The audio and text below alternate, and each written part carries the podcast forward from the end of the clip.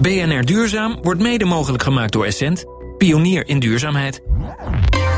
BNR Nieuwsradio. BNR Pro met nu duurzaam. Het eerste groene warenhuis van Nederland is geopend voor iedereen die op zoek is naar een elektrische scooter, een duurzame speelhoek en een biologische kop koffie. Allemaal ook nog eens een keertje op één plek. Kan voortaan terecht in Leeuwarden. En de afgelopen twee jaar zijn er meer dan 135 actiegroepen opgericht tegen windmolens. En de windenergiebranche is kritiek nu zat en slaat terug. Mark Beekhuis. Maar we beginnen natuurlijk met het overlijden van Wubbo Okkels, de eerste Nederlandse astronaut, maar vooral ook duurzaamheidspionier.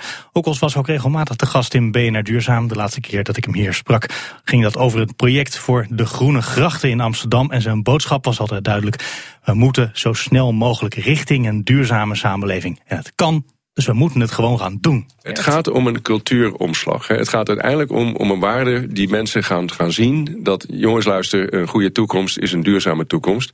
En, en net zoals als we nu ook allerlei waardepatronen hebben, moet dat op die manier om. Ja, dan vond hij mijn vragen af en toe wel een beetje kritisch, maar dan legde hij het gewoon heel geduldig nog een keer uit. En dan zegt u de schaal van de aarde. En tegelijkertijd die stichting heet de Groene Grachten. Dat is zo verschrikkelijk andere schaal. Dat is een heel klein. Dat is, hoeveel ja, grachten zijn het? Dat is een, hele, hele leuke vraag. Nou ja, sowieso weet je natuurlijk dat alle begin begint ergens. Of alle veranderingen die beginnen ergens.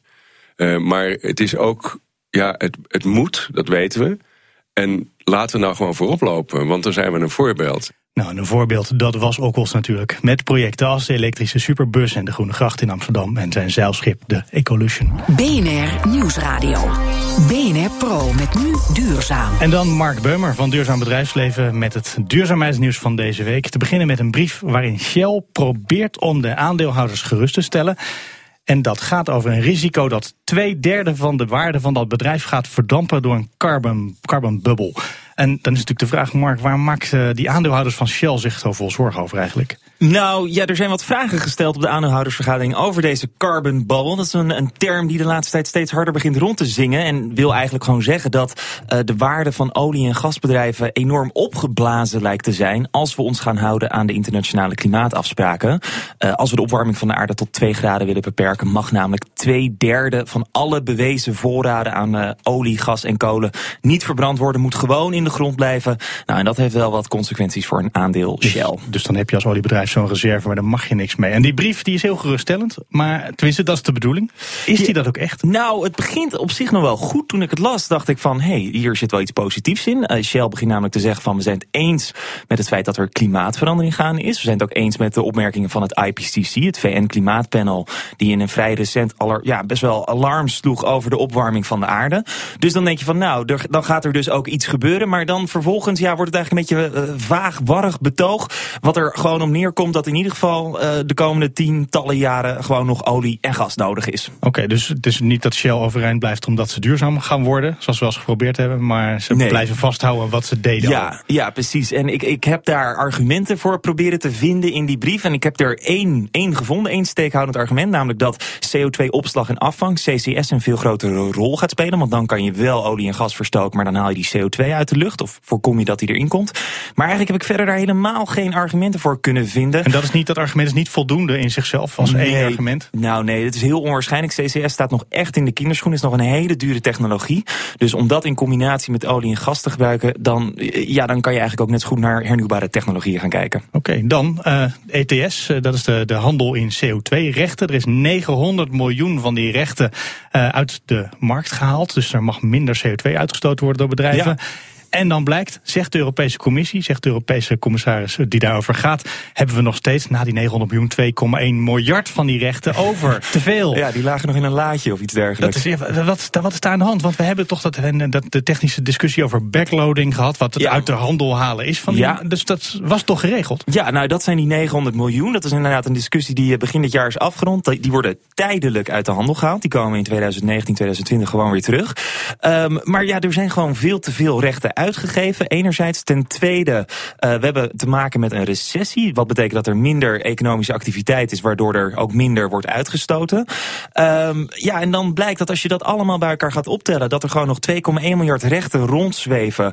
En als je dat vergelijkt met hoeveel er jaarlijks wordt gebruikt, vorig jaar 2013 het equivalent van 1,9 miljard, hebben we gewoon meer dan een jaar aan rechten over. Ja, dat verklaart dan ook de hele lage prijs natuurlijk nog altijd voor de CO2-rechten, want daar zou in gehandeld moeten worden. Dan de klimaatverandering, ja, die bedreigt de kredietwaardigheid van Europa. Hoorden we vorige week van Standard Poor's. En jij hebt uh, gekeken hoe dat nou precies, wat ze nou over Nederland ook zeggen, of welke consequenties dat heeft. Ja. En wat betekent het? Nou, het betekent dat Nederland het eigenlijk uh, nou ja, binnen Europa nog wel verbazingwekkend uh, nou ja, niet slecht doet, maar zich wel zorgen moet maken. Uh, we houden... bij, ons zijn de risico's, het, de financiële risico's van klimaatverandering groter dan in de rest van Europa. Precies, ja. Alleen Albanië heeft eigenlijk meer te vrezen dan wij. Maar ik weet niet of dat per se een, een, een land is waar we ons mee willen vergelijken. Nee, Standard Poor's, de kredietbeoordelaar, heeft naar drie factoren gekeken.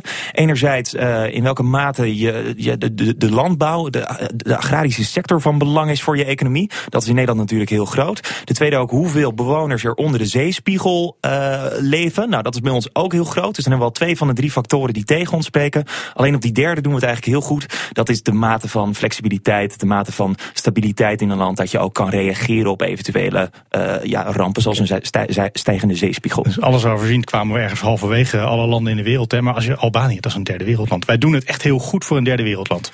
Uh, nou ja, is dat de conclusie van Standard Poor's of heb ik dat zo erin gelezen? Nou, Standard Poor's zegt het, het risico in Nederland is gemiddeld. In Albanië geven ze nog wel één of twee extra, of, uh, extra gevaarlijke risicocategorieën, wijst daar aan toe. Uh, in de toekomst ze, nu nog niet dat ze daar de klietwaardigheid op gaan baseren op basis van deze risico-inschatting, maar dat willen ze wel gaan doen. Ja, en dan moeten we misschien inderdaad toch eens naar die AAA-status. Hebben we die alweer? nee, die hebben we niet. Nee, die hebben we nog niet. Hè? We maar die krijgen we dan ook niet meer. Nee, dat die is dan de conclusie. Nee. Dankjewel, Mark Beumer van duurzaambedrijfsleven.nl. BNR Nieuwsradio. BNR Pro. Met behulp van zonne-energie, zoetwater, maken uit zoutwater en twee VWO-scholieren van het Calvijn College in Goes. Die hebben een manier bedacht uh, om dat voor elkaar te krijgen. Met hun uitvinding mochten ze namens Nederland meedoen aan het Intel ICEF. En dat is de grootste wetenschapsolympiade voor scholieren in de hele wereld.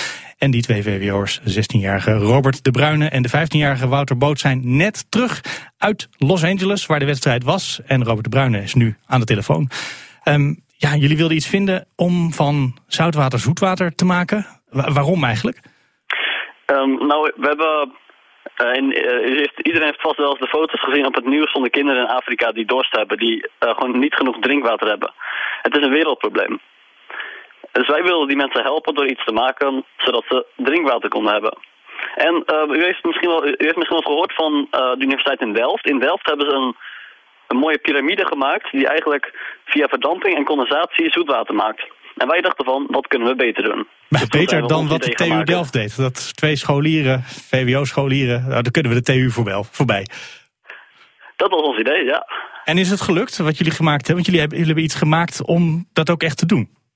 Ja, klopt. Wij hebben een buis gemaakt die uh, met hetzelfde principe werkt. Maar we hebben het een continu proces gemaakt met hoge capaciteit. En dat is goed gelukt, ja. Een continu proces met hoge capaciteit. Want er, hoe ziet het eruit? Geen, uh, geen piramide, denk ik dan? Want een buis, uh, u kunt zich voorstellen als een buis van ongeveer 1 meter lang met uh, een diameter van rond de 2 meter, ongeveer 2 meter breed. En uh, die buis bestaat uit twee zones. Er is één verdampingszone en één condensatiezone. Er stroomt zoutwater in die verdampingszone. Die is ongeveer 700 meter lang, die zone. En als, ondertussen, als het water stroomt, verdampt het. Omdat de zon in de buis schijnt, wordt het heel erg heet in de buis. Ja. Als zoutwater verdampt, dan verdampt het water en dan blijft het zout achter. Het zout verdampt niet. Dus eigenlijk krijg je dan een soort van zoete waterdamp. En als dat dan weer condenseert, neerslaat als druppeltjes water, dan heb je in één keer schoon water. Precies, en dat gebeurt in de condensatiezone. En de, de, de damp die verplaatst zich door een ventilator naar de condensatiezone. En daar moet dan toch nog voor die ventilator misschien een uh, stopcontact bij? Of gaat die helemaal op zonne-energie? Um, de ventilator en de pomp om het water in de buis te, eh, de pompen, uh, te pompen worden door zonnepanelen aangedreven. Daar hebben we ongeveer een oppervlakte van 12 vierkante meter zonnepanelen voor nodig. Oké, dus dat is helemaal duurzaam dan. En hoeveel liter water kan je ermee maken? Um, uit als, als we de, de, de, resultaten van ons testmodel opschalen, dan kunnen we ongeveer 150 liter per uur produceren met een buis van 1 kilometer lang. En dit, uh, dat getal kan nog enorm verbeterd worden door verschillende verbeteringen door te voeren in ons model. Oké, okay, het is een groot apparaat, maar er kan ook veel water uitkomen. Dat is dan... Jullie waren een van de 1700 scholieren in Los Angeles. Hebben jullie gewonnen? Ja. Wij hebben uh, jammer genoeg niet gewonnen. Ach, wie wel? Uh, een, een, jongen uit Boston heeft gewonnen met een onderzoek naar kanker. Hij heeft een systeem gemaakt dat, dat kan voorspellen of een gen kanker gaat veroorzaken of niet. Een jongen van ook een of andere middelbare school heeft een systeem gemaakt om te kijken of je met genen kanker kan voorspellen. Daar leg je het tegen af, dat snap ik wel. Gaan jullie hier wel mee aan de slag nu? Want jullie hebben dat idee en je zei al had het over opschalen. Het klonk alsof je eigenlijk er al bijna een bedrijfje over aan het oprichten bent. Ja, dat zou enorm gaaf zijn als dat zou kunnen. Um, ik zit natuurlijk ook nog met mijn school en ik heb nog een ander project naast school. Ik heb gewoon een vrij druk programma, maar um, we gaan checken hoe haalbaar het is en hoe, uh, of het voor ons mogelijk is om er iets mee te doen. En dan gaan we het groter maken. Zoals je erover praat, ik heb het idee dat het eigenlijk stiekem op de achtergrond al in de stijger staat allemaal. Dankjewel Robert de Bruyne en scholier dus aan het Calvijn College in Goes. BNR Nieuwsradio. BNR Pro met nu duurzaam. In Leeuwarden is dit weekend het eerste groene warenhuis van Nederland geopend. De Green Experience Center heet het. Bezoekers die kunnen daar kijken naar elektrische scooters of zich laten informeren over de isolatie van hun huis. Of misschien ook wel gewoon een kopje koffie drinken, maar dan wel biologische koffie natuurlijk. En voor de kinderen is er een duurzame speelhoek. En verslaggever René van Heteren, die nam er een kijkje. Aan de rand van een bedrijventerrein omgeven door weilanden ben ik net aangekomen bij de Green Experience Center. Een duurzaam warenhuis. Henk Planting van het Green Experience Center. Een van de initiatiefnemers eh, van de stichting eh, Green Experience Center. Wat is het precies? Nou, het Groene Warenhuis Green Experience Center uh, zegt er eigenlijk al. Het Green Experience Center, wat we doen, is dat eigenlijk een, uh, een consument hier met een winkelwagen binnen kan komen. Een virtuele winkelwagen. En die wil op het gebied van duurzaamheid, energiezuinige producten, uh, verduurzaamheid van zijn woning, wil hij uiteindelijk gaan, gaan ophalen qua informatie. En, Want het is eigenlijk een soort permanente beurs. Ik zie allemaal standjes van verschillende bedrijven. Ja, klopt. Het is gewoon eigenlijk een permanente expositie die van donderdag tot en met zaterdag open is. En uh, daar staan allemaal bedrijven in die eigenlijk allemaal duurzaamheidsproducten verkopen, moet ik zeggen. Maar goed, ik kom hier binnen als consument. Ja. En ik ben bijvoorbeeld op zoek naar uh, een manier om mijn huis energiezuiniger te maken. Hoe gaat dat dan vanaf binnenkomst? Nou, je loopt daar in principe wat we nu ook doen langs al de units, langs de bedrijven. En ieder bedrijf heeft zijn eigen specialiteit. Dus er is een bedrijf wat gewoon woningen na-isoleert, wat vloeren na-isoleert, wat ook kozijnen levert. Dat is dan weer een ander bedrijf. Er, er wordt in eerste instantie informatie ge gegeven. Er wordt gekeken van, goh, wat is uw behoefte? Wat zoek je eigenlijk? Wat wil je gaan doen aan je woning? Ik ben Frank Dof. Ik ben accountmanager voor Itel Daalderop. Wat zijn jullie voor bedrijf? Wij zijn een bedrijf die wij ontwikkelen klimaatsystemen voor de gebouwde omgeving. En onze focus is daarbij een, een, een duurzaam, comfortabel, energiezuinige woonomgeving. U huurt hier dus een, standje. Wat, wat kost dat? Uh, de kosten ben ik zo niet eens van op de hoogte. Meneer Plant? ik weet wat het kost. Een uh, unit die, uh, dat kost 3500 euro per jaar. Daar zit all in, dat is all in. En daaroverheen komt de marketingbijdrage die de ondernemer moet betalen... om te zorgen dat we gewoon publiciteit kunnen genereren. Wat moet dit de ondernemers ook echt iets opleveren? Of is dit vooral bekendheid? Nee, het moet natuurlijk geld opleveren, want anders dan sta je hier niet. Maar dit is toch eigenlijk uit de tijd? Iedereen zoekt toch alles op internet? Jullie gaan er helemaal tegen in. Ja, ja, ja maar ik denk dat duurzaam ook gewoon heel dwars is. Hè? Want je hebt altijd de early adapters in de markt. En dat is ook wat hier gebeurt. Wij hebben gewoon gemerkt, ook als stichting... dat gewoon heel veel bedrijven, of uh, niet bedrijven, maar heel veel consumenten... de weg niet meer vinden op, uh, op het web. je ziet door de bomen het bos niet meer. Als je uh, intypt zonnepanelen, dan krijg je een hele reeks. En je komt er eigenlijk niet meer uit wat je nou exact wil. En bij duurzaam hoort natuurlijk ook duurzaam vervoer. Hier een ruimte vol elektrische scooters en een bak met hier proefritkaart deponeren. Ik ben Piet Smeding van de NPI, NPI-scooters en fietsen. Elektrische scooters en fietsen? Elektrische scooters en fietsen. Zelfs elektrische bezorgscooters. Ik zie inderdaad een pizza bezorgscooter. Ja. New York Pizza hier in Leeuwarden rijden met onze elektrische scooters. Bevalt zeer goed. Schoon en ook nog een keer goedkoop. En waarom staat u hier? Want u heeft toch ook een winkel, neem ik aan? Duurzaam. Ja, wij, wij, is, je kunt het niet duurzamer bedenken. Dan horen wij ook bij duurzaam. Nu zou ik zelf ook me wel wat uh, duurzamer voort willen bewegen. Ik ben met de auto hier gekomen. Zou ik een proefritje mogen maken? Je mag wel met de elektrische scooter terug. Dat is een eindje in Amsterdam, maar ik ga het proberen. nou, gaan we het proberen. Doen we. Ja, dat zei Piet Smeding van MP Elektrische Scooters en Fietsen. In een bijdrage van René van Heteren. En zometeen in BNR Duurzaam bewoners die klagen steeds vaker over windmolens. En dat is niet alleen omdat ze vrezen voor een uitzicht, zegt de Nederlandse Windenergieassociatie. Zometeen in Duurzaam. BNR Nieuwsradio. Verstand van zaken. Duurzaam. Protest tegen de windmolens groeit. Meer dan 135 actiegroepen zijn er de afgelopen twee jaar opgericht. Heeft de stichting Windmolenklachten geteld. En dat dat protest is tegen het serebeen van de windmolenbranche allicht. De belangenbehartiger van die branche, de NWA, die vindt dat er op het ogenblik te kritisch wordt gekeken naar windmolens. Ton Eerders, directeur van NWA, die Nederlandse Windenergieassociatie, te gast in de studio. Welkom. Uh, beginnen we met een bericht van dit weekeinde. Uh, de Nederlandse Energiemaatschappij heeft gezegd... wij gaan overlastgevende windparken in de band doen. En de directeur, Swinkels, die zegt dan in de Telegraaf... dat er vaak te weinig wordt geluisterd naar het belang van de omwonenden. Wat vindt u daarvan? Nou ja, misschien uh, moeten we eens een keertje met hem gaan praten tegen de tijd dat uh, alle energie die door de Nederlandse energiemaatschappij uh, wordt verstrekt als die duurzaam is opgewekt. Want volgens mij doen ze buiten een klein beetje duurzame energie een hele hoop fossiele vervuilende energie. Dus misschien dat we tegen die tijd eens een keer gaan praten. Van de andere kant, kijk wat hij natuurlijk bedoeld is van er zijn plekken waar, je, waar mensen menen dat ze overlast hebben. Maar aan het voorbeeld wat hij noemt, dan denken we ook, hij luistert wel erg snel naar een enkeling die ergens over kritiek over heeft. Is dat een enkeling? Want het zou best kunnen zijn dat heel veel andere energiebedrijven denken... oh, als de Nederlandse Energiemaatschappij het zegt... dan kunnen wij misschien dat ook wel zo gaan zeggen. Nee, dat zou kunnen. Dat, eh, maar ik denk niet dat ze het zo snel zullen doen. Het is ook bijna niet te peilen hoor, van uh, waar je kilowattuur vandaan komt trouwens. Maar nee, in dit geval is het voorbeeld van nee, wat maar hij Waar die kilowattuur nee, vandaan komt, maakt niet maar of die windmolen... of je daar last van maar, vindt te hebben. Maar in het geval wat hij noemt, dan gaat het om een enkeling. Het, uh, hij, hij, ja, ik, ik, wil niet op, op, dat geval specifiek ingaan... maar dat, dan vind ik het wel verbazingwekkend dat hij zich daar zo snel door laat leiden ik denk dat we eens een keer het gesprek naar de moeten gaan. Ja, nou ja, de Telegraaf ging natuurlijk daarna vandaag ook ermee aan de haal. En die zei, we moeten ze maar stoppen met al die subsidie voor windmolens. Want het kost heel veel en we weten niet wat het oplevert. Dus er zit wel iets van een tendens in de maatschappij. Het is meer dan alleen een enkeling, denk ik. Wat dat betreft is het meer dan een enkeling. Dat is ook wat wij heel erg constateren. Het gekke is natuurlijk van, kijk, we zijn bezig met een transitie naar duurzame energie. Die is ook hard nodig, want we willen van de CO2 af. En we weten dat we leveringszekerheid nodig hebben, want we willen ook het gas van Poetin niet uiteindelijk. Dus je hebt een transitie nodig, dan heb je, daar heb je windenergie voor nodig. Windenergie is dus gewoon een deel van de oplossing. Maar juist omdat we zo sterk een deel van de oplossing zijn, eh, krijgen wij ook een heel groot gedeelte van de kritiek. Want iedereen die niet in het klimaatprobleem gelooft, iedereen die niets op heeft met duurzaamheid of uh, milieu, uh, die gaat tekeer tegen windenergie. Ja, en maar er zijn natuurlijk ook heel veel mensen die zeggen, ik vind windmolen op zich best wel een goed idee, maar doe dat op de Noordzee, heeft niemand er last van. Is er bijvoorbeeld de afgelopen jaren genoeg geluisterd, vindt u, naar de omwonenden? Ja, er wordt bij projecten wordt heel erg geluisterd naar omwonenden. Even, ik wil wel een onderscheid maken tussen directe omwonenden. Want ik kan me voorstellen als er een uh, turbine in je, in je buurt komt... dat je dan afvraagt wat dat voor jezelf betekent. Dat is ook een terechte vraag. Uh, dat doen mensen ook als er een flatgebouw komt of een winkel of een weg. Ik bedoel, in die zin zijn wij niet anders dan welke andere activiteiten... die in Nederland plaatsvindt dan ook.